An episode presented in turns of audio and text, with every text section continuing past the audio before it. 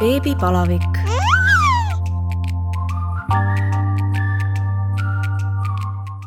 tere tulemast kuulama Õhtulehe uut beebipodcasti Beebipalavik. mina olen saatejuht Katariina Toomemets. täna on minu külalisteks kaks naist, Keter ja Kristiina, kellel on suhteliselt sarnane lugu. Neil mõlemal on olnud kolm keisrilõiget, neil mõlemal on kaksikud ja nüüd on nad otsustanud, et enam lapsi ei tule on okei okay, nii, jah mm? -hmm. Keter ja Kristiina, rääkige siis äh, alustuseks äh,, kuidas läks nii, et äh, esimese rasedusega, et esimene rasedus lõppes äh, keisrilõikega? no mina teadsin seda juba alates kahekümne teisest nädalast, et tuleb keiser, sest et mul oli preeklampsia juba tol ajal ja, ja tegelikult kaksikud tahtsid sündida juba kahekümne teisel nädalal, ehk siis ma olingi kahekümne teisest nädalast kuni kolmekümne kolmanda nädalani ma elasin haiglas ja, ja siis oligi päev korraga lihtsalt ootad, et noh, millal see päev tuleb ja ma muidugi lootsin, et ma kannatan natuke kauem või noh, tähendab, lapsed kannatavad kauem. aga, aga siis oli õigi vererõhu mul sinna pea kahesaja juurde. ma astusin palatist välja, ma jõudsin ainult öelda vabandust ja sinnasamma ma kukkusin, doktor Sirko oli täpselt sel hetkel koridoris, ta püüdis mu kinni. ma nii hästi mäletan seda, kus ma vaatasin talle otsa ja, ja siis, siis oli juba nagu kiire, siis ma jõudsingi mehele veel helistada, et kuule, nüüd on keisrisse minek. Ja, ja oligi kõik põhimõtteliselt, et ma ei, ma ei jõudnud mitte midagi nagu mõelda, et ma teadsin seda ja mul polnud nagu mingi, mingi asja ees hirmu. no minul nii hästi ei läinud.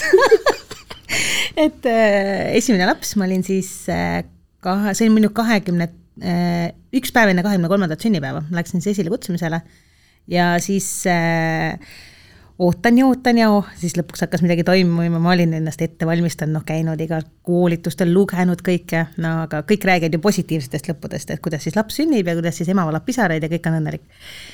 noh, ja siis, kui lõpuks sünnitustegevus oli kestnud kaheksateist tundi, siis äh, aga avatust oli üks sentimeeter, siis sa, said arstid ka aru, et vist, vist nagu asjad ei toimi, et ja lõpuks tuligi välja, et mul on äh, mu kehale ei sobi esilekutsumine, et minul tekib kohe niisugune asi nagu äh, hüperstimulatsioon, ehk siis põhimõtteliselt mu emakas hakkab üle töötama, mul on ainult valud, et ma olingi kaheksateist tundi valudes, niisugused minuti tagant. väga meeldiv oli väga,, väga-väga meeldiv ja siis lõpuks nagu päästeti mind ära tegelikult ja tehti keisersest lapsel kodus südametöö ära et mul ja pärast ma sain ikka korraliku trauma sealt, ikka, ikka väga korraliku trauma, et mul ühtegi positiivset sünnitusmälestust mul nagu esimesest korrast ei ole, et kui ma lõpuks siis noh, seljasüstiga oli, kui lõpuks ma siis üles tulin sealt ja laps taheti mulle anda, siis ma ütlesin, et viige ta minema et ma nagu sain ja siis, siis ma ise nagu mõi-, mõistus nagu sõitis pigem ära ja siis ma nagu tundsin, et ma tõrjusin oma last ja siis ma hakkasin ennast süüdistama ja siis tuli rasedusdepressioon sinna otsa. et korralikult ikka. et ma ütleks, et sul on nagu, Kristina nagu kergem variant olnud, sa vähemalt teadsid ette. ei, ma teadsin ette jaa, aga vaata selles mõttes ju, kui kaksikud kõhust välja võeti ja, ja küsiti mult veel, et kumba sa nagu eelistad, et kas võtame poisi või tüdruku enne välja, onju siis ma ütlesin poiss igal juhul, sest et poisi südametöö oli juba eelmine, eelneval õhtul nagu allapoole läinud ja mul oli nagu mingi halb eelaimus, onju. ja, ja siis võetakse poiss välja, ta ei tee mitte mingisugust häält, ma mäletan, et ka noh, mul oli, mul oli ka see keisrilõige selle seljasüstiga, tõstsin pea seal ülesse, kas ta elab? ja siis, siis ta tegi mingi siukse ilge väikse vääksu, siis ma panin pea tagasi, okei okay,, elab, siis võeti tüdruk välja, see pani täie lauluga. no see karjus ikka, noh, ma arvan kõigi eest, kes seal olid. ise oli nii väike, ainult tuhat kuussada grammi väga, väga vapper ju. selle koha pealt küll, õudne ikka kas see trauma siis oligi sellest, et äh, lihtsalt, et see kaheksateist tundi ja nii väike ava-, avatus või oli sul selles mõttes personalile ka mingeid äh, etteheiteid? ei, tegelikult ei olnud personalile etteheiteid, et äh, ma ütleks, et pigem ma ma võib-olla valmistusin, või tegelikult perekoolid pigem valmistavad natuke valesti ennast ette. et seal ei räägita sellest, et mis võib juhtuda, kui läheb valesti, et mhm. keisrilõikest üldse ei räägita. et siia, ma kirjutasin neile ka seda, et noh, tegelikult võiks olla kas või mingid loengud siis sellest, et midagi on, on tore, et ITK-s on ka. et kaheksa aastaga on asjad arenenud. et, et just see, et noh kui, kui on, oledki sa see naine, kellel ei tekigi avatust, et see võimalus on, et ma ei teadnud, et see võimalus ongi. et mina nagu valmistusin ennast hullult positiivselt ette, kuidas ma hingan ja kõik läheb nagu ludinal ja siis kõik läks täiesti risti vastupidi, et mul oli mingi sünnitusmuusika, muusika, ma karjusin ainult. et, et selles suhtes, et see ma, ma nagu valmistusin ennast ette ja see läks täiesti muud moodi, et ma ütleks, see nagu tekitas ja siis oligi see hetk, kus nagu last, last taheti mulle anda ja siis noh, emad peavad ju nutma. kui laps sünnib, siis sa oled ju õnnejoovastuses ja laps antakse sulle kätte ja siis sa nutad ja sa oled nii õnnelik ja siis ma olin nagu sihuke, et viige ta minema. ja siis ma sain nagu aru, et oota, nüüd ma ei armasta oma last ka veel, et see läks ka veel mööda ja et noh, see läks, läks aega, läks palju-palju, isegi aastaid tegelikult läks aega, kui ma nagu kogu nagu sellest asjast üle sain ja lõpuks äh, teise rasedusega läksin raseduskriisi, kriisi nõustamisse ja siis ma sain tegelikult alles kogu traumast nagu üle. noh, võttis aega siis viis aastat no minul läks nii, et, et ma läksin samuti hommikul esile kutsumisele Äh, ootasin oma koroonatesti vastust ja siis äh, hakkas valus.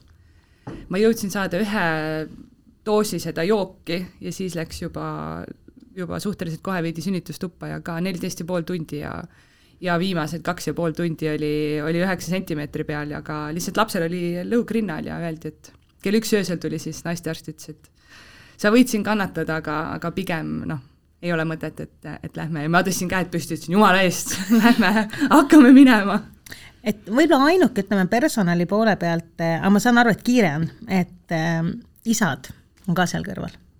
ja no mul noh, see oli tegelikult minu kolm, kahekümne kolmas sünnipäev siis lõpuks, kui mul keisri tehti.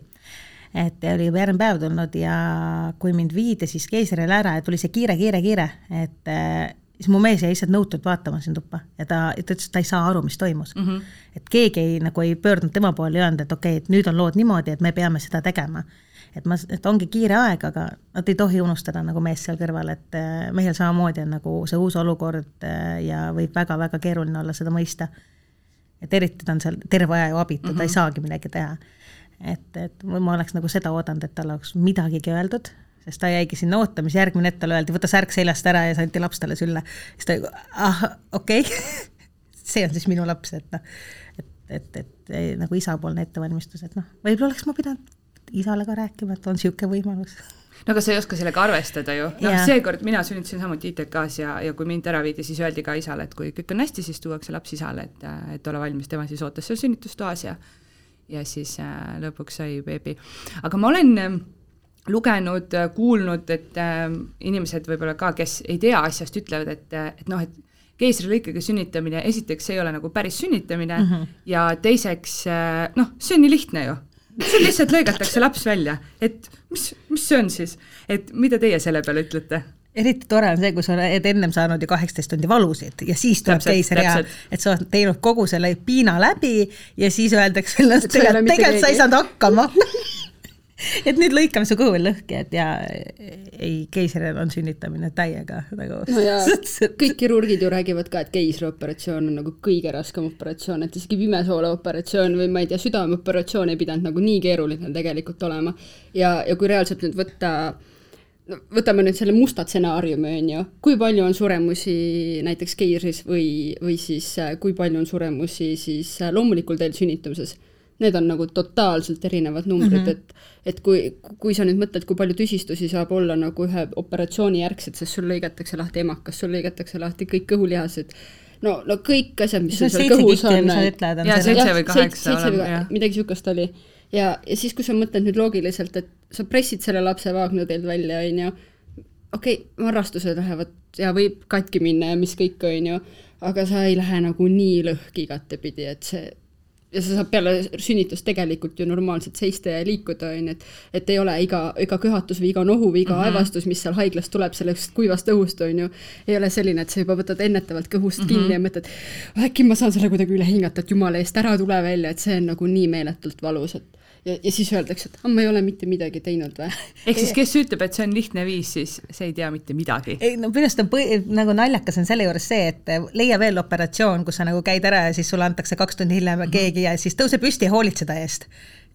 et nagu sa pead suutma kõike teha peale väga rasket operatsiooni. kuigi sa ei pruugi voodist püstigi saada. ei, sa ei saagi, aga sul on lihtsalt, sa oled valudes, sa, sa pigistad silmad kinni, sa tõused püsti sealt, sest su laps vajab mähkmevahetust valuvaigistid on parimad sõbrad. ja, ja, no mulle anti, viimane kord eh, anti mulle mingit toredat veenikaudset. ja mulle ka, see oli tore. täpselt nagu oleks kuskil pilvedes, siuke jumala chill oli olla ja siis, siis arst vaatab mulle otsa on sul kõik hästi? jaa siis kui mul hakkas väike valm, ütlesin, kas saate ühe korra veel selle laksu ära anda. aga mulle ei antud teist korda, aga mulle ei antud. aga ma olin üksi, vaata, kaksikutega, ju nad said aru, et mul oli vaja. sul on nagu vaja topeltdoosi mõlema lapse eest üks doos.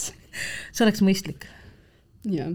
ja kuidas see esimesel puhul siis taastumine läks teil mõlemal? hästi lihtsalt. minul ka tegelikult, selles suhtes, et sama selles suhtes, et ei olnud, ei olnud keeruline. no mul oli ainuke asi, mis oli keeruline, oli see, et äh, kuna ma ei saa, ma ei saanud kohe infot nagu poisi kohta, sest mul oli õhtul kell pool kaheksa oli keiser, on ju äh,, algselt pidi olema plaaniline keiser sama päeva õhtul kell üheksa, ehk siis sinna läks ilusti mees lubatud, on ju, ja, ja siis noh, läks veits nagu kriitiliseks ja tehti see hoopis kell pool kaheksa. Ja, ja siis oligi, mina olen seal intensiivis vappvärinatega, no nii külm, nii paha on, on ju, mees seisab mu kõrval seal, küsib, mis ma teha saan, ma ei tea, tee midagi, on ju siis ta vaatab mulle otsa, et no mida ma teen, ma ütlesin, ma ei tea, mine laste intensiivi, mine vaata, mis seal on, on ju, aga kuna poisil tekkisid hingamisprobleemid, ehk siis ta sai seal hingamisaparaadid ja asjad külge ja, ja ükski õde teda sinna põhimõtteliselt kõrvale ei lasknud, on ju, siis me, mees tuli sealt intensiivist tagasi, ütles, et äh, ma ei, ma ei oska sulle infot anda, et ma tean ainult nii palju, et äh, meie lapsed on kui poisis äh,, Kari arst on seal ümber ja, ja mina pidin selle infoga nagu seal eksisteerima.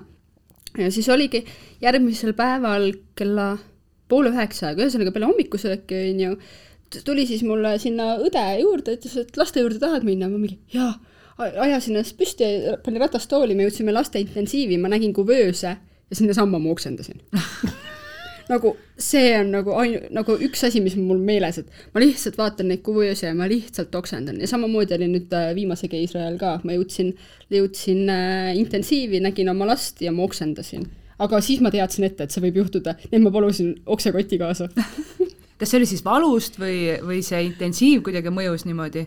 ma ei, mul pole õrna aimugi, millest see oli, ma arvan, et võib-olla see oli see hetk, vaata, et ma ei olnud ju oma last näinud mm. -hmm või noh, tol hetkel siis esimesi kaksikuid, on ju, ja, ja kui ma neid nägin ja ma nägin, et nad on nagu kahekesi ühes kuvöösis ristipidi, siis mul jõudis kohale, et esiteks, kui väiksed nad on.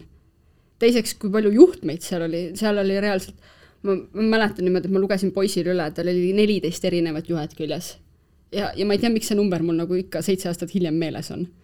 ja, ja siis oligi, ma li-, ma, ma, ma nagu ei teagi, et kas see oli nagu valust, vist ei olnud nagu valus, sest mul ei olnud tegelikult ju valus mm, -hmm. vaid mhm. pigem just see šokk, et issand, ma olen ema, issand, mu lapsed on köösis, issand, nad vajavad arstiabi, et ma ei saanud, noh, tol hetkel mu esimene mõte oli, et ma ei saanud hakkama mm. -hmm. aga siis ma mõtlesin selle peale, et et kui kaksikud tahtsid sündida tegelikult juba kahekümne teisel nädalal ja nad sündisid lõpuks kolmekümne kolmandal nädalal, siis ma sain hakkama, sest ma suutsin neid üksteist nädalat veel nagu kõhus hoida. okei okay,, küll haiglas elades, aga, aga vähemalt sain hakkama. ja McDonaldsis viies sest tol hetkel polnud koroonat. ja siis said kõik käia külas isegi mu väga hea sõbranna käis veel samal päeval niimoodi, et ta käis päeval külas, küsis mult, mis ma tahan, mul oli jumala hea tuju, ma ütlesin, oh kuule, too mulle Mäkist mingi heine, onju. Tõi heine ära, sõin ära. Ja kuskil poolteist tundi peale nagu Maci heine söömist läks nagu paha, kõik, ma ei taha rohkem, mul on nii paha olla, tehke midagi. no millal äh, korralikult haiglas esimest korda ise voodist püsti saite?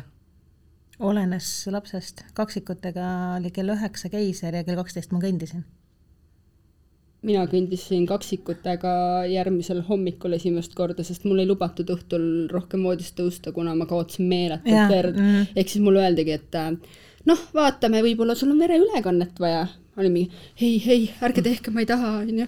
siis tuleks, pigistatakse su kõhtu, vaadatakse, et kas ikkagi kõik veri ja asjad välja tulevad, väga, väga viisakas on seda rääkida, onju, aga noh, keegi, keegi peab rääkima, kui kuskil mujal ei räägita ja, ja siis oligi, et ma ütlesin ka, ma tahaks nagu vetsu minna, ei lubatud, toodi siiber, siis mm -hmm. see oli nagu kõige jubedam, vot see on jube kogemus, nagu siibri peale pissida. mina olin esimesega ka, esimesega läks pikalt ikka. no ma olin noh, nii kaua ärkvel, eks see, see oma väsimus oli, siis mind viidigi sellesama voodiga viidi mind siis äh, palatisse mm, -hmm. suruti see kuidagi sinna sisse ja, ja siis ma ikka olin öö veetsin seal, et ikka ma olin ka pikalt, pikalt, pikalt olin, ma arvan, kakskümmend neli tundi olin kindlasti pikali. ma ei teagi, vetsus ma ei, aa mul oli, mul oli kateeter küljes mm. -hmm ma käskisin selle välja võtta, ma tundsin seda ja see nii ja. häiris mind ja siis ma ütlesin, võtke ära, mul ükskõik, mis te teete. ma saan aga, aga siis, kui teine nagu see keiser oli, siis oli küll niimoodi, et äh, kell üheksa oli mul keisrilõige ja kas äkki kell üksteist või kell kaksteist ma juba kõndisin ise mm -hmm. tits üles, Päris kõndisin kiiresti ikka. intensiivist äh, sinna ema-lapse palatisse. noh, meil ei olnud isegi valikus perepalat, sest et keegi pidi ju kaksikutega kodus olema.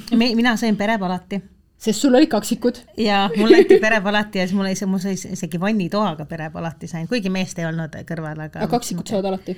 ma olin nii rahul, see, ma olin, mina sündisin Pelgus siis küll Äh, et aga ma tõesti olen nagu selle, selle poolega rahul ja mul on iga lapsega olen saanud perepalati.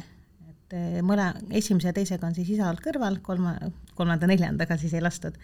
aga noh, tegelikult oli reedel oli keiser ja nad tahtsid mind juba pühapäeval välja kirjutada.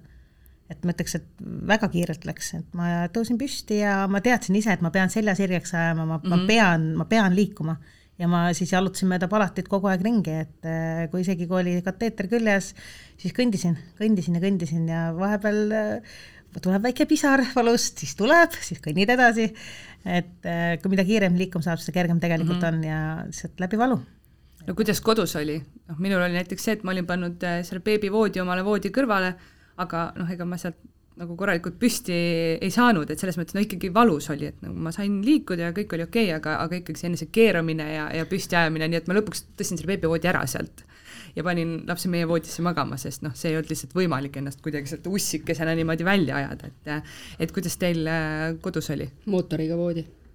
päriselt mm? -hmm mul siiamaani mootoriga voodi kodus, ma ei vaheta seda mitte kunagi mitte millegi vastu. kui keegi hakkab plaanima siin, et tahab rasedaks jääda ja, ja on risk, et on keiser, siis mootoriga voodi, ausalt, maailma parim must. Ja, ja lasedki ennast selle istmega ülesse ja siis natukene keerad ja tuled sealt voodist välja ja siis nagu haiglas? jaa, ongi, aga vaata, need kodumootoriga voodid on ilusad mm, -hmm. et need haiglavood on päris jubedad. aga millest ma kodus puudust tundsin, on vaata haiglavooditel on see tõmbamiskang ja laest tõmbamise kang. aga seda ei ole perepalatis ja ma ütlesin neile ka, et miks ei te ole, ei pane seda see on maailma parim asi nagu reaalselt, sa võtad sellest kinni ja siis sa upitad ennast sealt üles, onju. sest et äh, ega need haigla tavavooditel ju ei ole enamikel mm -hmm. neid moot-, mootoreid, onju, et. ja ei, minul perepalatis ei ole. et samamoodi ju need emalapsepalatid, perepalatid, kõik asjad, need on ju täiesti tavalised siledad voodid, onju. Mhm. ja, ja ürita sealt püsti saada, siis ongi põhimõtteliselt hingad kolm korda sisse, mõtled, et ma nüüd keeran noh, vastavale poole, kuhu, kustpoolt sa sinna välja saad, on ju, keerad külili ja siis kätega lükkad ennast -hmm. ülesse mm. -hmm. ja siis, kui sa oled istuma saanud, siis hingad veel kord ja siis mõtled, et nii, nüüd ma pean püsti tõusma, lähed ja siis, kui sa püsti oled, siis pole enam hullu mm. -hmm. siis on nagu elu on lill. millal esimese jalutuskäigu tegite? ma ei mäleta. ma ka ei mäleta, ma tean, et no viimast, nagu kuna mul kaksikud saavad laupäeval aastas, eks siis äh, ja juba. Ja siis nendega mul läks tegelikult aega. ma äkki kaks nädalat hiljem ma proovisin, ma jõudsin kõndida äkki, see on mingi kolmsada meetrit mm, -hmm. võtsin kõik, ma ei, ma ei saa, et ma olen väsinud, ma ei jaksa, ma lihtsalt, ma tundsin, ma füüsiliselt, ma ei jaksa liikuda enam. Ja siis ma noh, õnneks on kaksikutel suur vanker ja siis sa toetad sinna peale lihtsalt nagu roomad põhimõtteliselt koju tagasi, et nii. Täna ei olnud see päev. Ja äkki esimene nagu mingi kilomeetrine ring sai tehtud, kuna ta olid poolteist kuud või kaks kuud vanad, et siis ma nagu jaksasin liikuda rohkem. aga alguses ikka ei, ei jaksa, lihtsalt tegelikult ei jaksa kõndida. no mul olid ka kaksikud äkki umbes kuu, sellepärast et nad sündisid ju viisteist märts, me saime lastehaiglast välja alles kas viies või kuues aprill ja, ja siis ma ka nagu kohe ei julgenud minna ja äkki siis oli kuskil nädalake hiljem, kui ma lõpuks võtsin selle nagu julguse kokku ja läksin. teise keisriga oli küll see, et äh, neljapäeval sündis, ehk siis juulikuus on ju, laupäeval sain haiglast välja ja pühapäeval ma käisin juba külaringe tegemas, noh, meil on niisugune oma mingi nii-öelda küla seal on, et külaring on kolmsada meetrit, siis seda ma käisin küll jalutamas, see oli nagu hästi tore, sest no nii soe oli ka, et mm, -hmm. et ma ei, ma ei suutnud kodus olla ja siis nautisingi õues, samal päeval tulid veel sõbrad õue, õue meile grillima ja noh, keisrist taastumine no isegi sada meetrit on siis juba noh, see on ikkagi saavutus. ma mhm. ütleks esimese-teisega tegelikult ma taastusin kiiremini, et siis oli küll see mingi, nädal-kaks läks, et nagu normaalselt nagu kõndida natukene rohkem, aga kolmas kuidagi läks jah, plaaniline vaata no mul peale kolmandat keisrit ma ka ei mäleta nagu päris täpselt, kuigi see on nagu nüüd kõige lähemal olnud, on ju, aga noh, seal on jälle see, et kuna ta sündis enneaegsena ja kopsukahjustuse ja asjadega, et siis siis, siis oligi, et äh, kui ta neliteist aprill sündis ja me saime kakskümmend kuus aprill saime koju,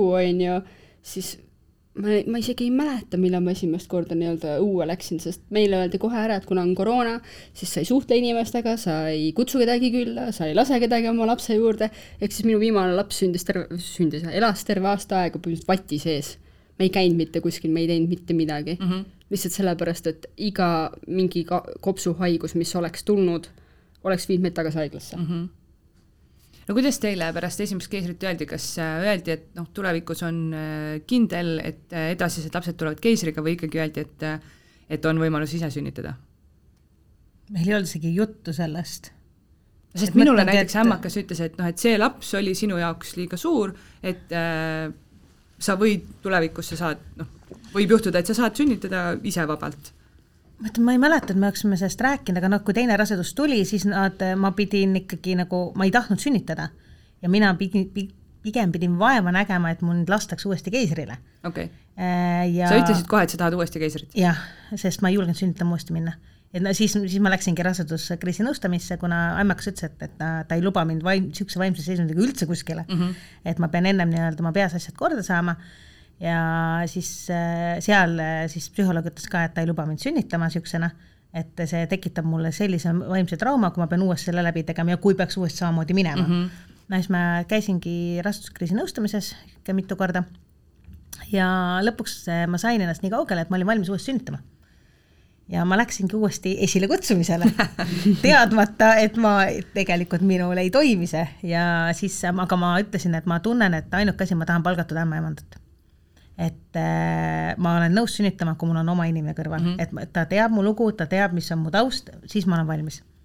ja ma olin ka äh, teise lapsega, ma olin, äh, kuna mul oli ka veremürgitus, kui poiss oli mingi kolmkümmend midagi nädalane, siis ma viidi haiglasse ja siis nädal aega mind turgutati seal elule, lõpuks noh, tegin silmad lahti ja sai korda kõik. aga lapsel tekkis kasvupeetus ja ta ei kasvanud enam suuremaks pärast seda. Ja siis ka kolmekümnest, kolmkümmend seitse pluss üks, siis öeldi, et ei, me peame esile kutsuma, looteveed olid täiesti otsas, nii et kui looteveed tehti lahti, tuli reaalselt mingi viinapitsi täis.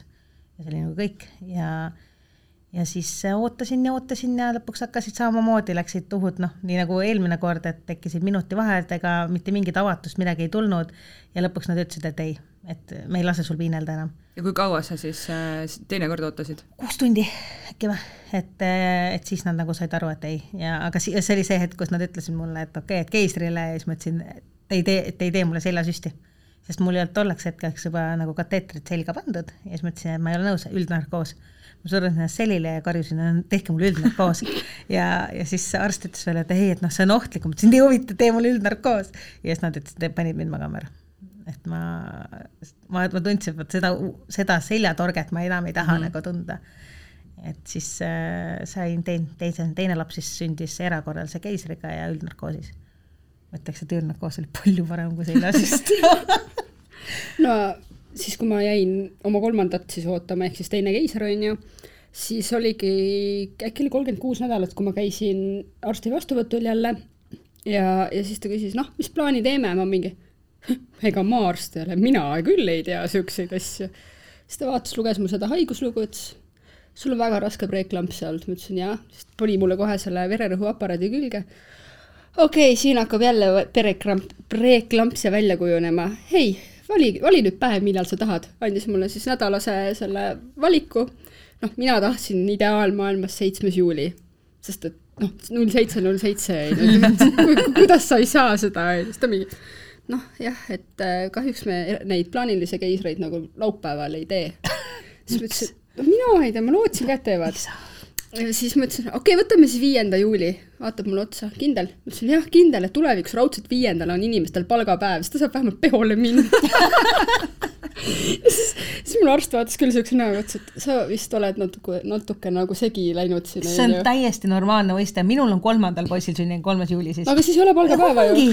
enne palgapäeva on väga halb päev sünnipäevaks. kasvõi selle koha pealt. no aga et... emapalk tuleb kaheksandal ju. ja no ongi no,. jaa, aga vaata, kui sa mõtled normaalse inimese aspektist on ju, siis viies on siuke palgapäev, täna ongi palgapäev.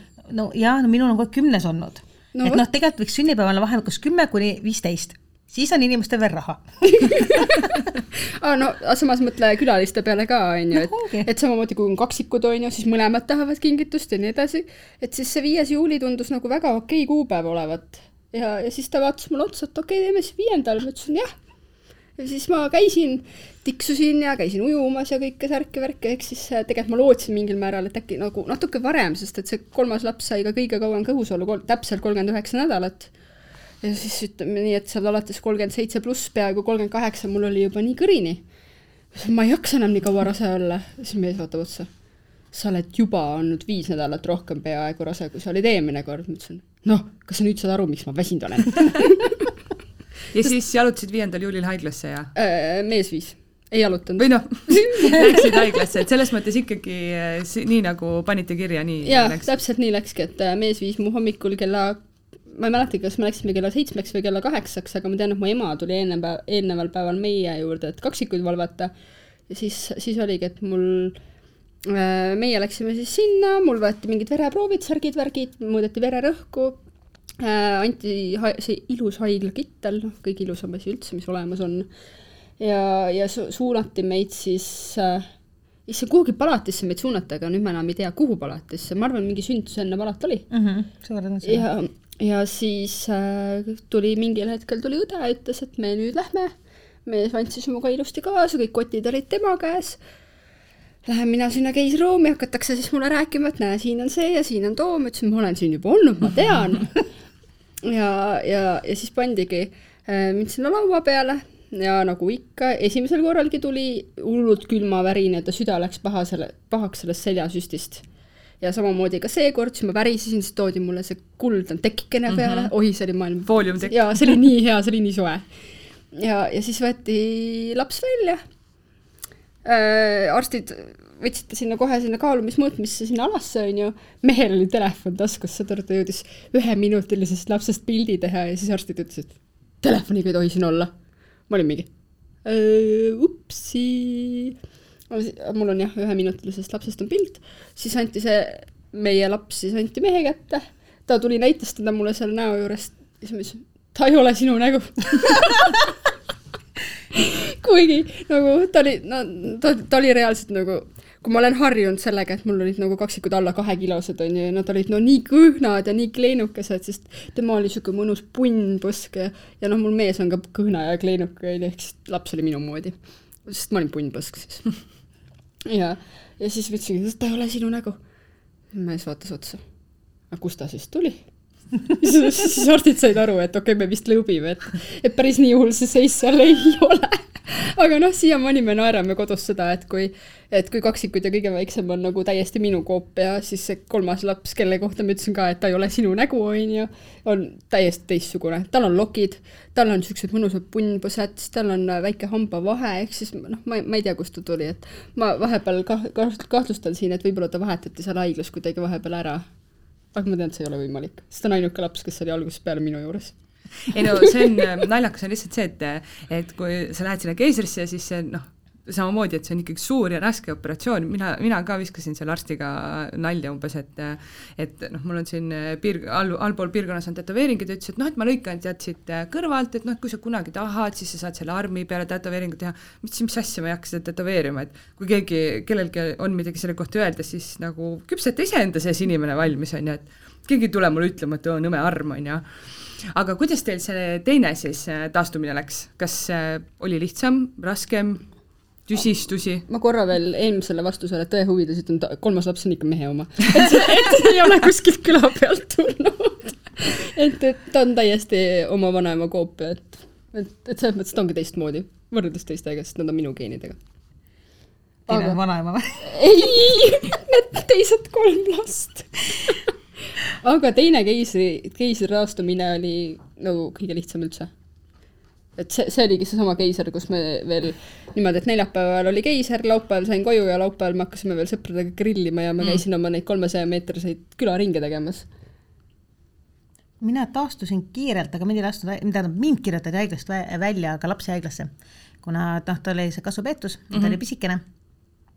et äh, ta oli kaks koma kolm kilo äkki või, et, et väike ja siis äh, ta ei suutnud ise süüa ja siis tal pandi lõpuks sond eh, ja siis läks natuke aega ja nädal aega olime sees, et mind kirjutati kolmandal päeval äkki välja, aga kuna keegi pidi ju lapsega mm -hmm. jääma, aga tore oli siis see, et, et noh, teie oli enne koroonat ja siis sai mees tulla sinna ja mina võisin minna jalutama okei, et keegi pidi olema lapse juures mm. -hmm. et eh, kuna ta nii või naa, noh, rinnast ta ei saa, suutnud süüa, seda lihtsalt ei jaksanud imeda, siis ta sai süstlast enamus toidu. Ja siis mees sai ka teda toita ja siis ma käisin Kristiine keskuses jalutamas ja siis ma läksin lihtsalt, lihtsalt linna peale korraks jalutama, et selles suhtes ma sain nagu tuulutada ennast Jaa.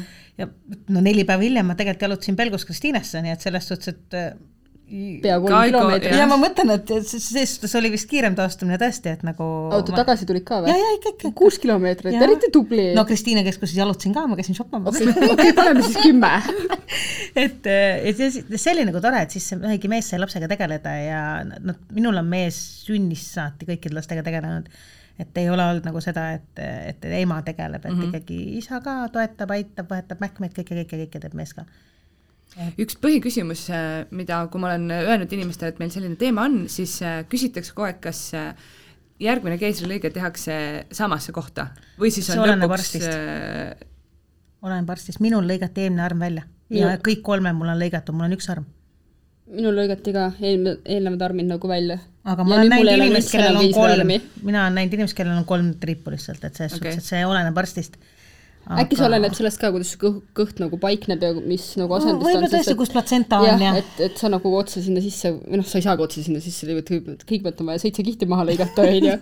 aga, aga just nagu ma mõtlen selles mõttes, et vaata, kui su kõht on nagu hästi all, siis võib-olla ei saagi nagu sinna ülespoole lõigata, sest siis sa lõikad juba otse nagu kõhtu. Ma ei, eks see on jah, võib-olla olen, oleneb, kuidas võib-olla mugavam ka, et ega nad tol hetkel ei hakka mõtlema, et kosmeetiliselt on ilus. teeme nii, nagu ilusam jääks, et eks nad selle jaoks on kõhuplastika. jah, selleks on hiljem kõhuplastika.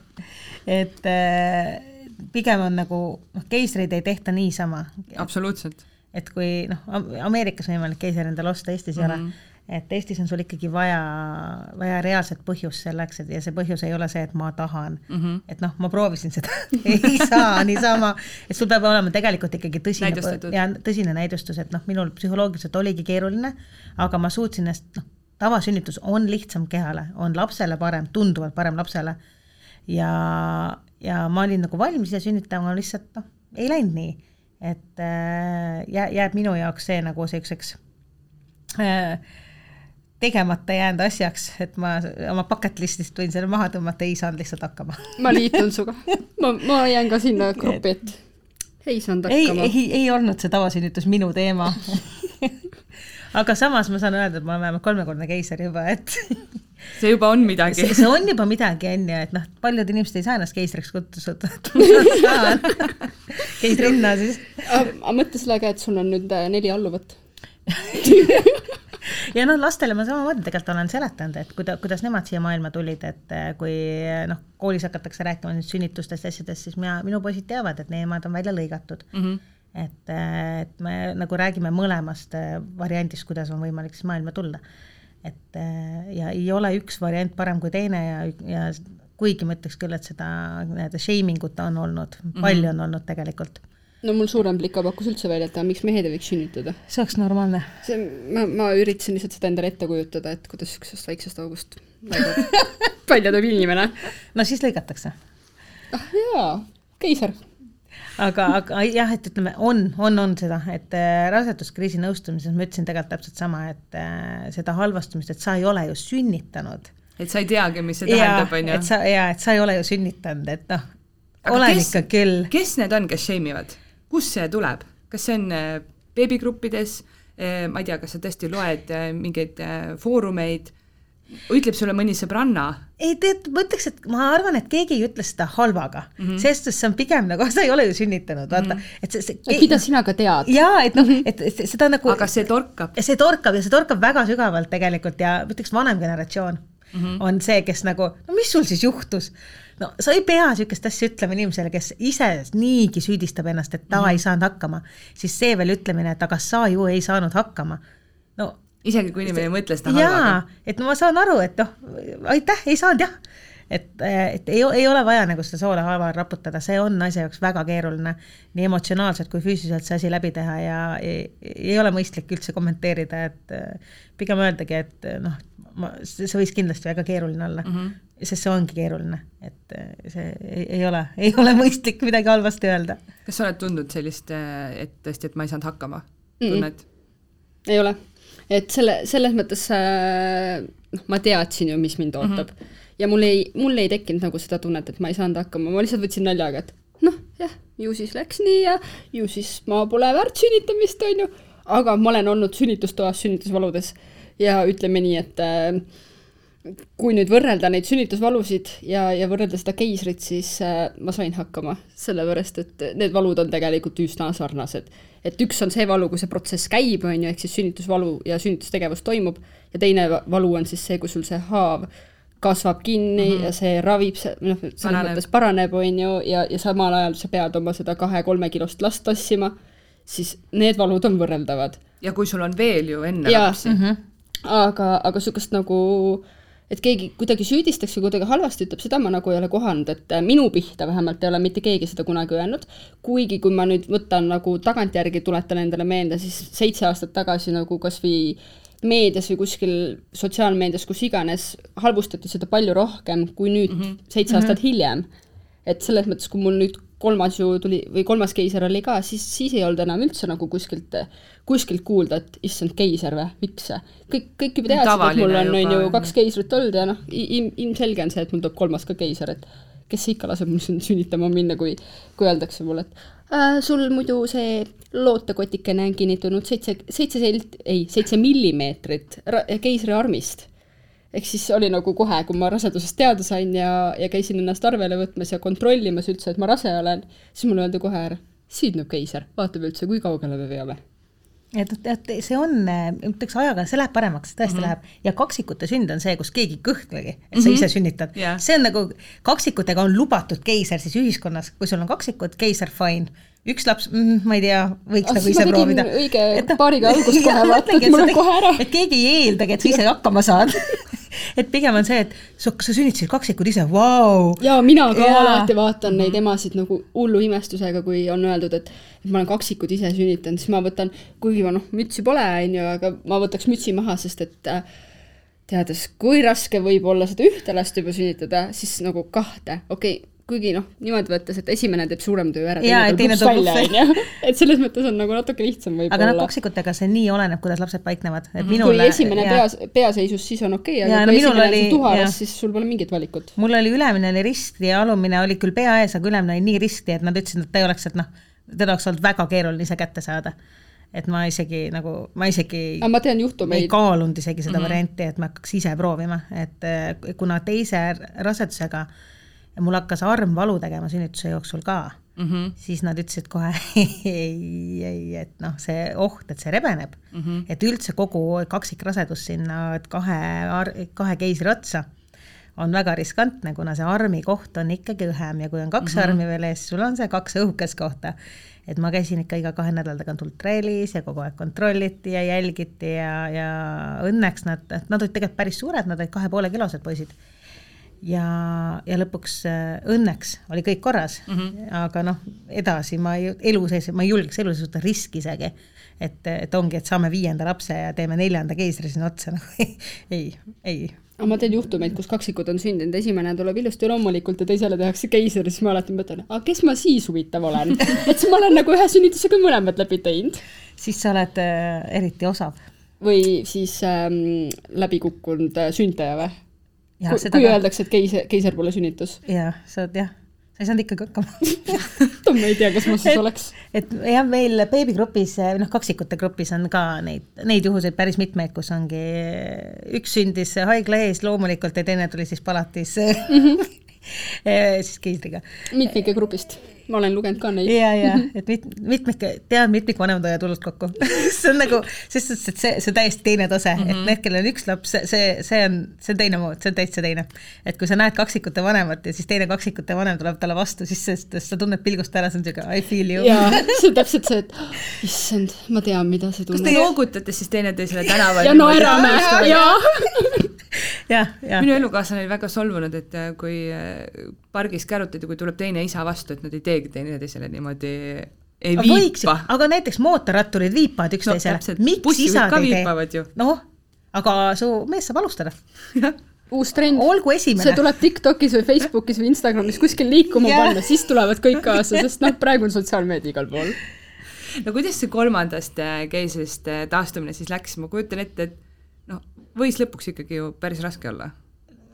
mul ei jäänud valikut selles suhtes, et kui sul on kaks last ees, mis teed siis mm? -hmm. või noh, kolm last ees, mis sa teed siis, et ütled, et vabandage, ema on out of office'ist järgnevad kolmkümmend päeva või selles suhtes, et sul ei jää muud üle, sa lihtsalt noh, läbi valu, läbi pisara teed ära, et noh, sul ei jäägi muud üle mm. -hmm et sa peadki taastuma, võib-olla ongi, et mina ei... sain haiglas olla selle nii-öelda peaaegu kogu taastumise aja, sest et äh, oligi ju, ma olin kaksteist päeva, olin ju peale keisrit olin haiglas, ehk siis ma niikuinii ei teadnud, mis seal kodus toimub, okei okay,, tegelikult teadsin, sest ma tegin iga päev Facetime'i neid kõnesid, aga, aga selle koha pealt läks nagu, minu taastumine oli natuke lihtsam, kuna meil neljas laps oli intensiivis, sest tal mõlemad kopsud kukkusid peale sündi kokku siis ta oligi seal kogu aeg ühes asendis, teda ei mm -hmm. tohtinud puudutada, ma ei tohtinud mähkmeid vahetada, noh, ma ei tohtinud mitte midagi teha, ehk ma põhimõtteliselt vaatasingi lihtsalt oma last mm. -hmm. ja, ja siis ma käisingi edasi-tagasi seal, sest koroona oli ka veel ja, ja oligi. ja sa tohtinud haiglast väljuda. ma ei tohtinud jaa.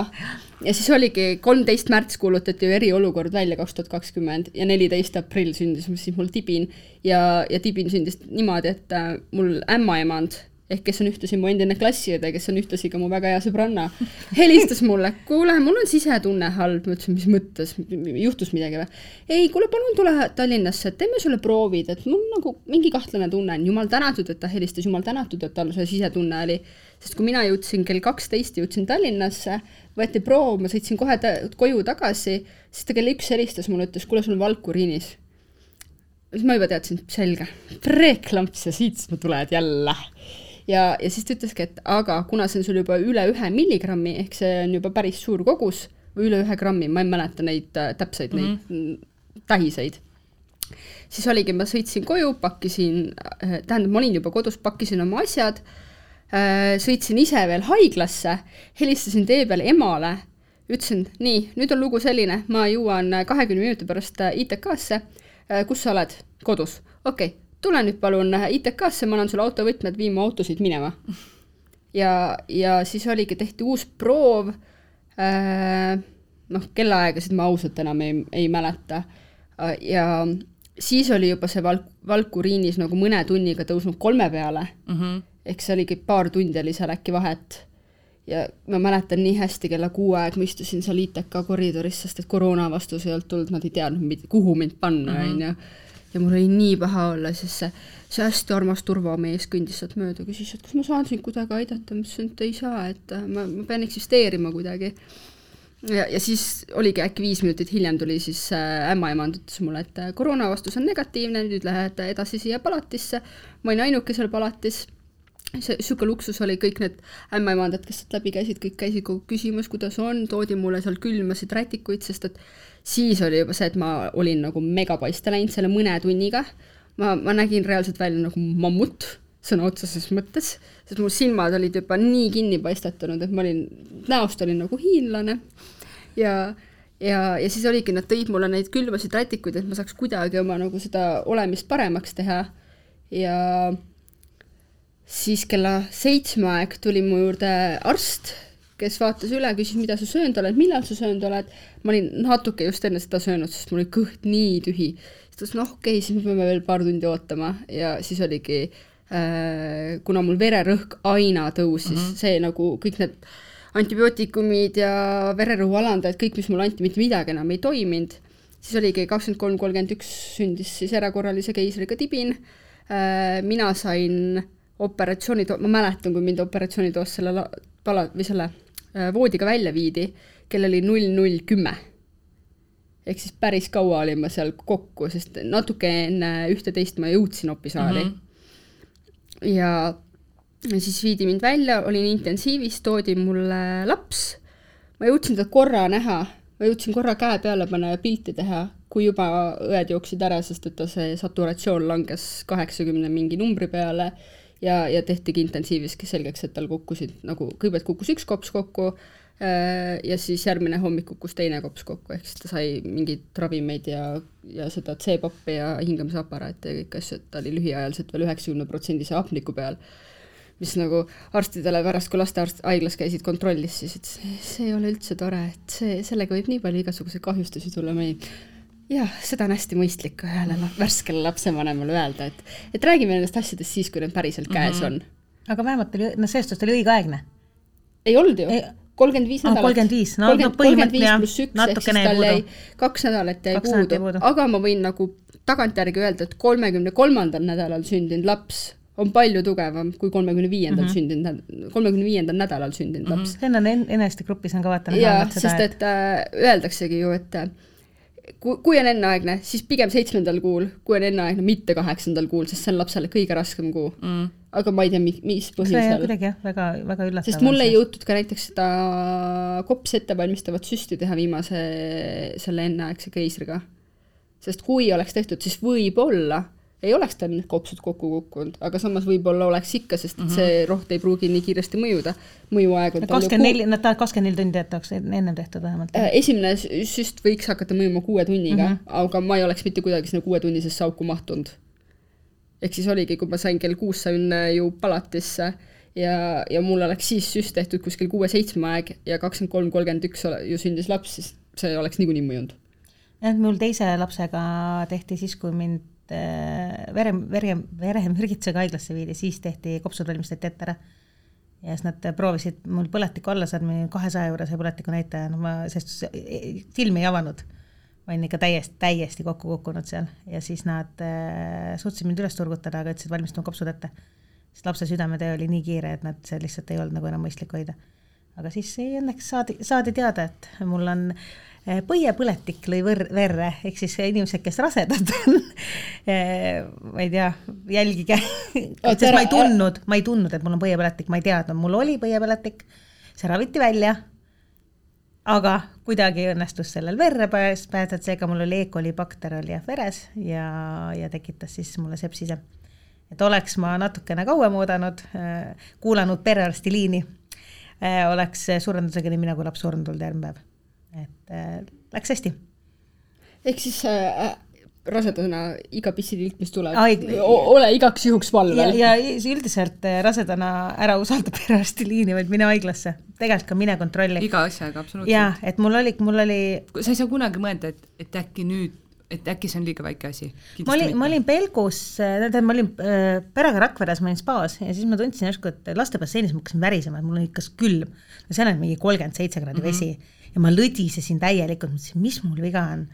ja siis ma läksin tuppa, läksin sooja duši alla, seal ma lõdisesin, siis ma läksin voodisse, mul tekkisid krambid ja siis noh, eestlane arsti juurde lähen, ei onju. ja siis ma ootasin ära, mul hakkas tohutult halb, no nii et, et mees, mees oli jumala pettunud, me tulime perega spaasse ja mina siin olen siruli maas ja ja, siis mõtlesin, ma ei jaksanud süüa, ma ei jaksanud mitte midagi teha, ma olin lihtsalt, järgmine päev ma ütlesin, et okei okay,, kuule, et lähme haiglasse.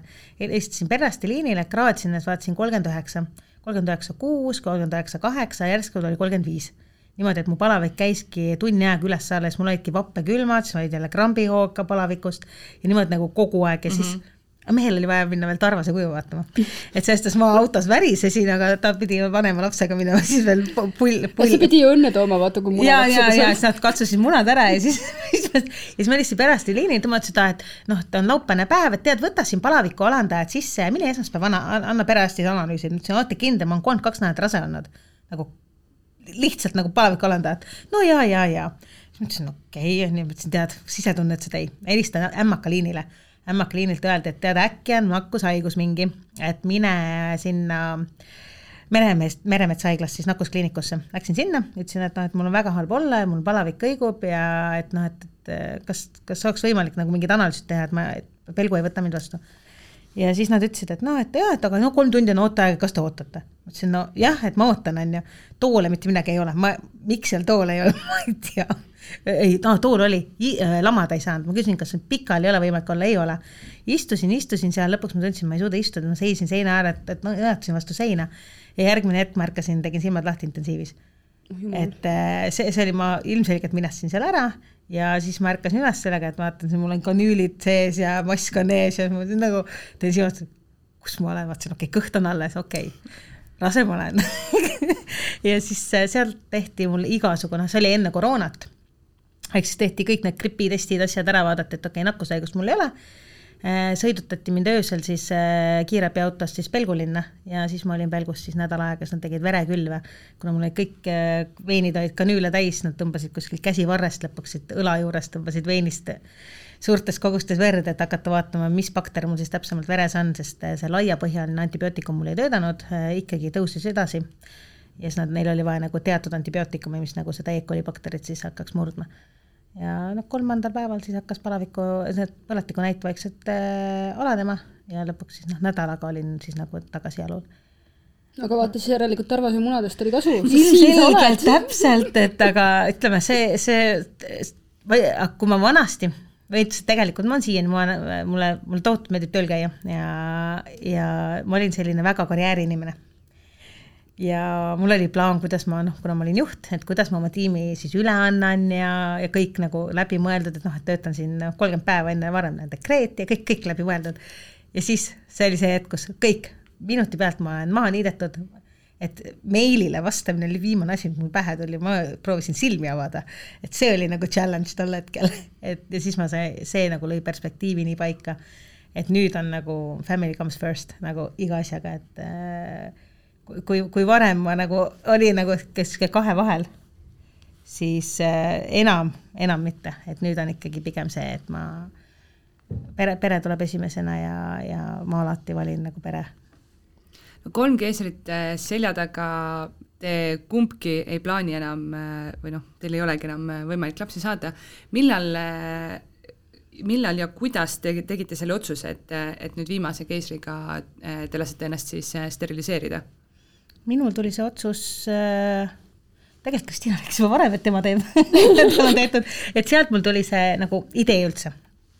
aga kui ma kolmand-, noh, siis kolmandat korda rasedaks jäin, siis mulle juba viljetuskliinikust nagu öeldi, et noh, tegelikult on see, et kolmas keiser, neli last, et riskid on väga suured, seal räägiti, siis kui lõpuks viljetuskliinikust mind välja kirjutati ja läksin nii-öelda tavakliinikusse, siis seal ka ämm hakkas kohe ütles, et nii, et kolmas keiser, et ta hästi varakult andis mulle pabereid, ütles, et mõtle, sul on aega mõelda, tegele sellega, ma mõtlesin selle peale, seedisin ja siis me kodus siis abikaasaga koos otsustasime, et jah, et et kuna neljas keiser oleks väga ohtlik ja suur ja see, see tõenäosus on, et ma sealt ei tuleks eluga välja, siis ma ei taha seda riski. mul ei ole seda vaja, mul on neli tervet ägedat last muidugi, neli poega võiks ju printsess olla. ma võin sulle enda omad anda.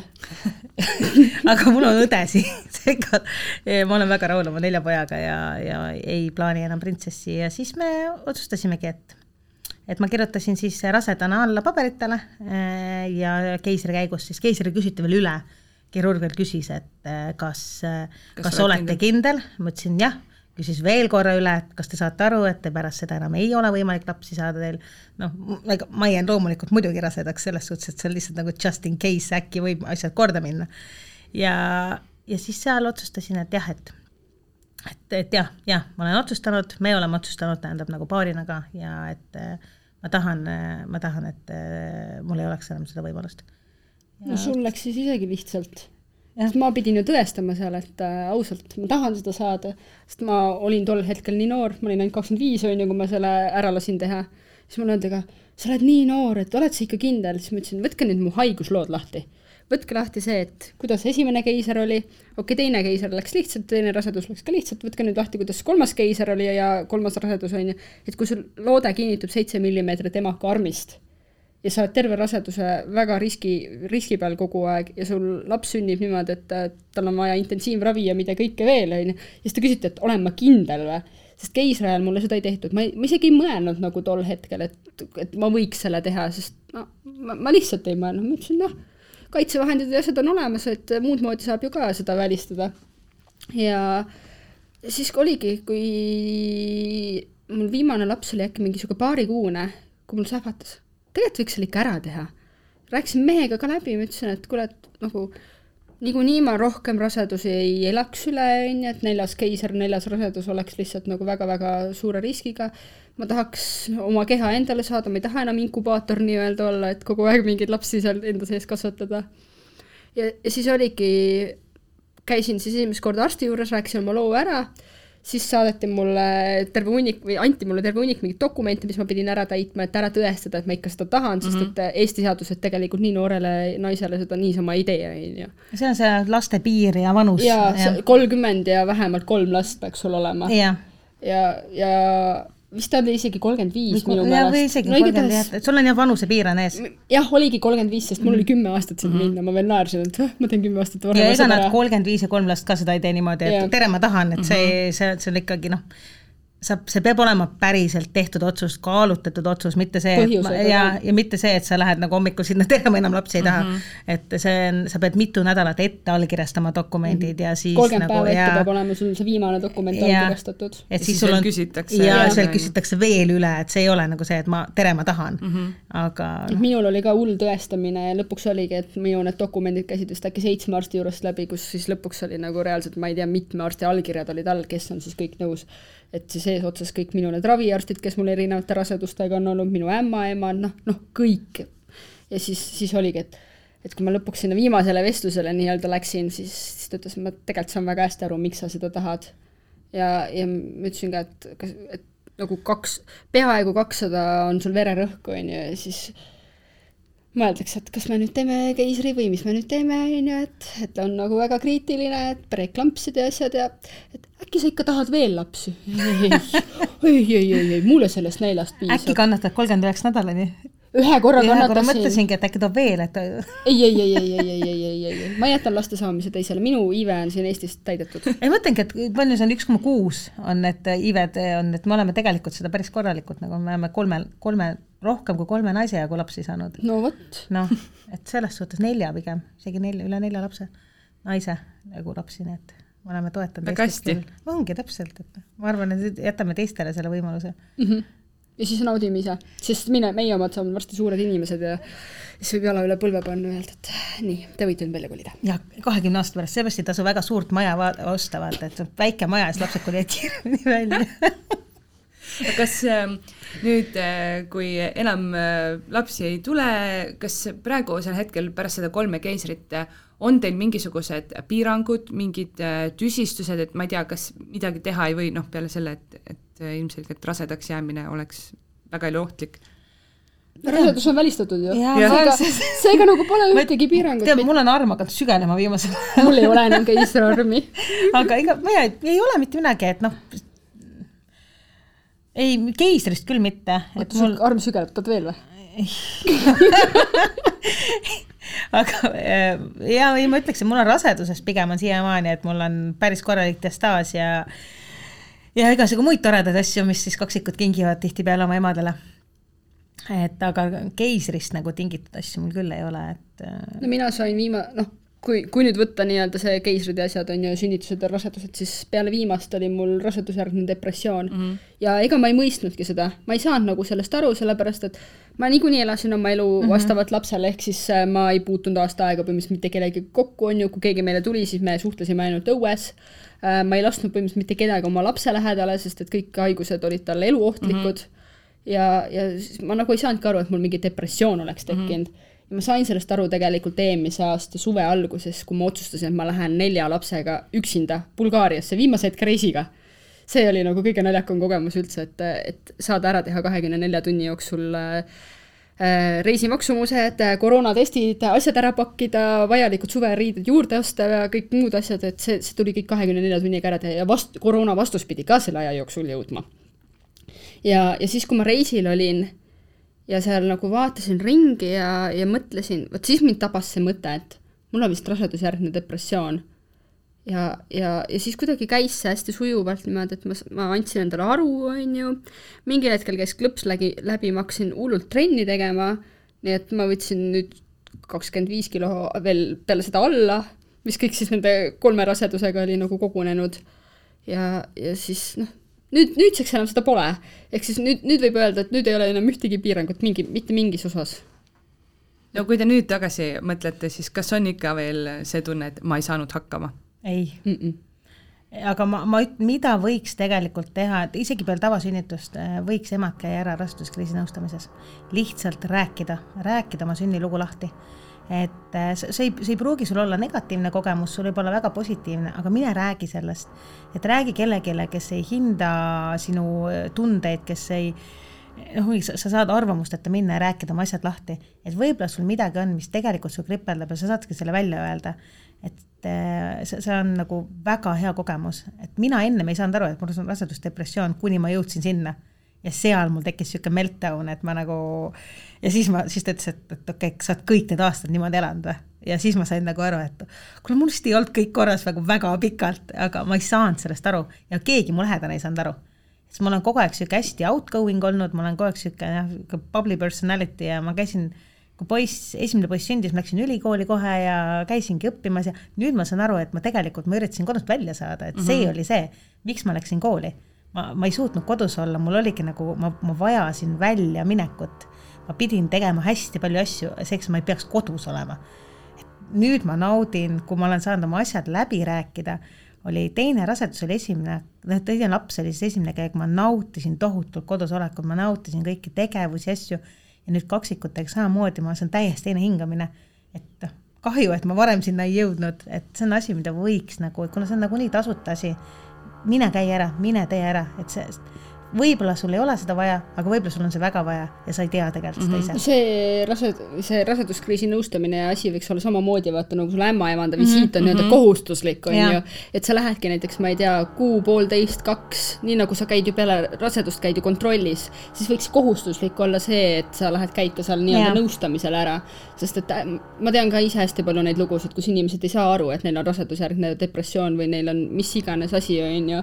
ja, ja, ja siis avastavad ka selle mingi tükk maad hiljem ja siis, siis on juba nii, liiga nii-öelda musta auku mm -hmm. ära mhm. vajutud. et see, see võiks nagu kohustuslik mingil määral olla. aga noh, me, mis me ütleme siin, on ju, keegi meid niikuinii ei kuula selle koha pealt et no, on vaata riike küll, kus toetatakse rohkem mm -hmm. seda just see sünnitusjärgset, et Eestis sünnitus, rasedusaegne aeg on ülisuper, arstivisiite piisavalt, kõike mingi noh, uuringuid, kõike tehakse ultrahelisid, ma ütleks kaksikutega rohkem kui nagu kui vaja on tegelikult. kui tahaksid. kui viitsid käia. Äh, aga jah, see nii-öelda sünnitad lapse ära, siis jäetakse sind nagu, et noh, saa nüüd hakkama, aga see tegelikult on ju öeldakse neljas trimester et see kolm kuud peale rasedust on naisel samamoodi, hormoonid käivad üles-alla, sa oledki emotsionaalne, sul on väga raske, pärast keisrit ongi, on veel haavavalud, asjad, siis äh, uue ilmakodanikuga harjumine ja siis sa pead nagu kõigega ise hakkama saada, siis kaob tugi ära et äh, aga see on see aeg mõttes, kus naine vajab kohati rohkem tuge kui see rasedusaeg. Keter ja Kristiina, aitäh teile! aitäh! väga põnev vestlus ja, ja aitäh, et te olite nõus jagama äh, sellist asja, millest tõesti, nagu te ka ise ütlesite, nii palju ei äh, räägita. ja aitäh kõigile kuulajatele! kuula beebipalavikku üle nädala neljapäeviti Spotify'st, iTunes'ist või kust iganes oma podcast'id leiad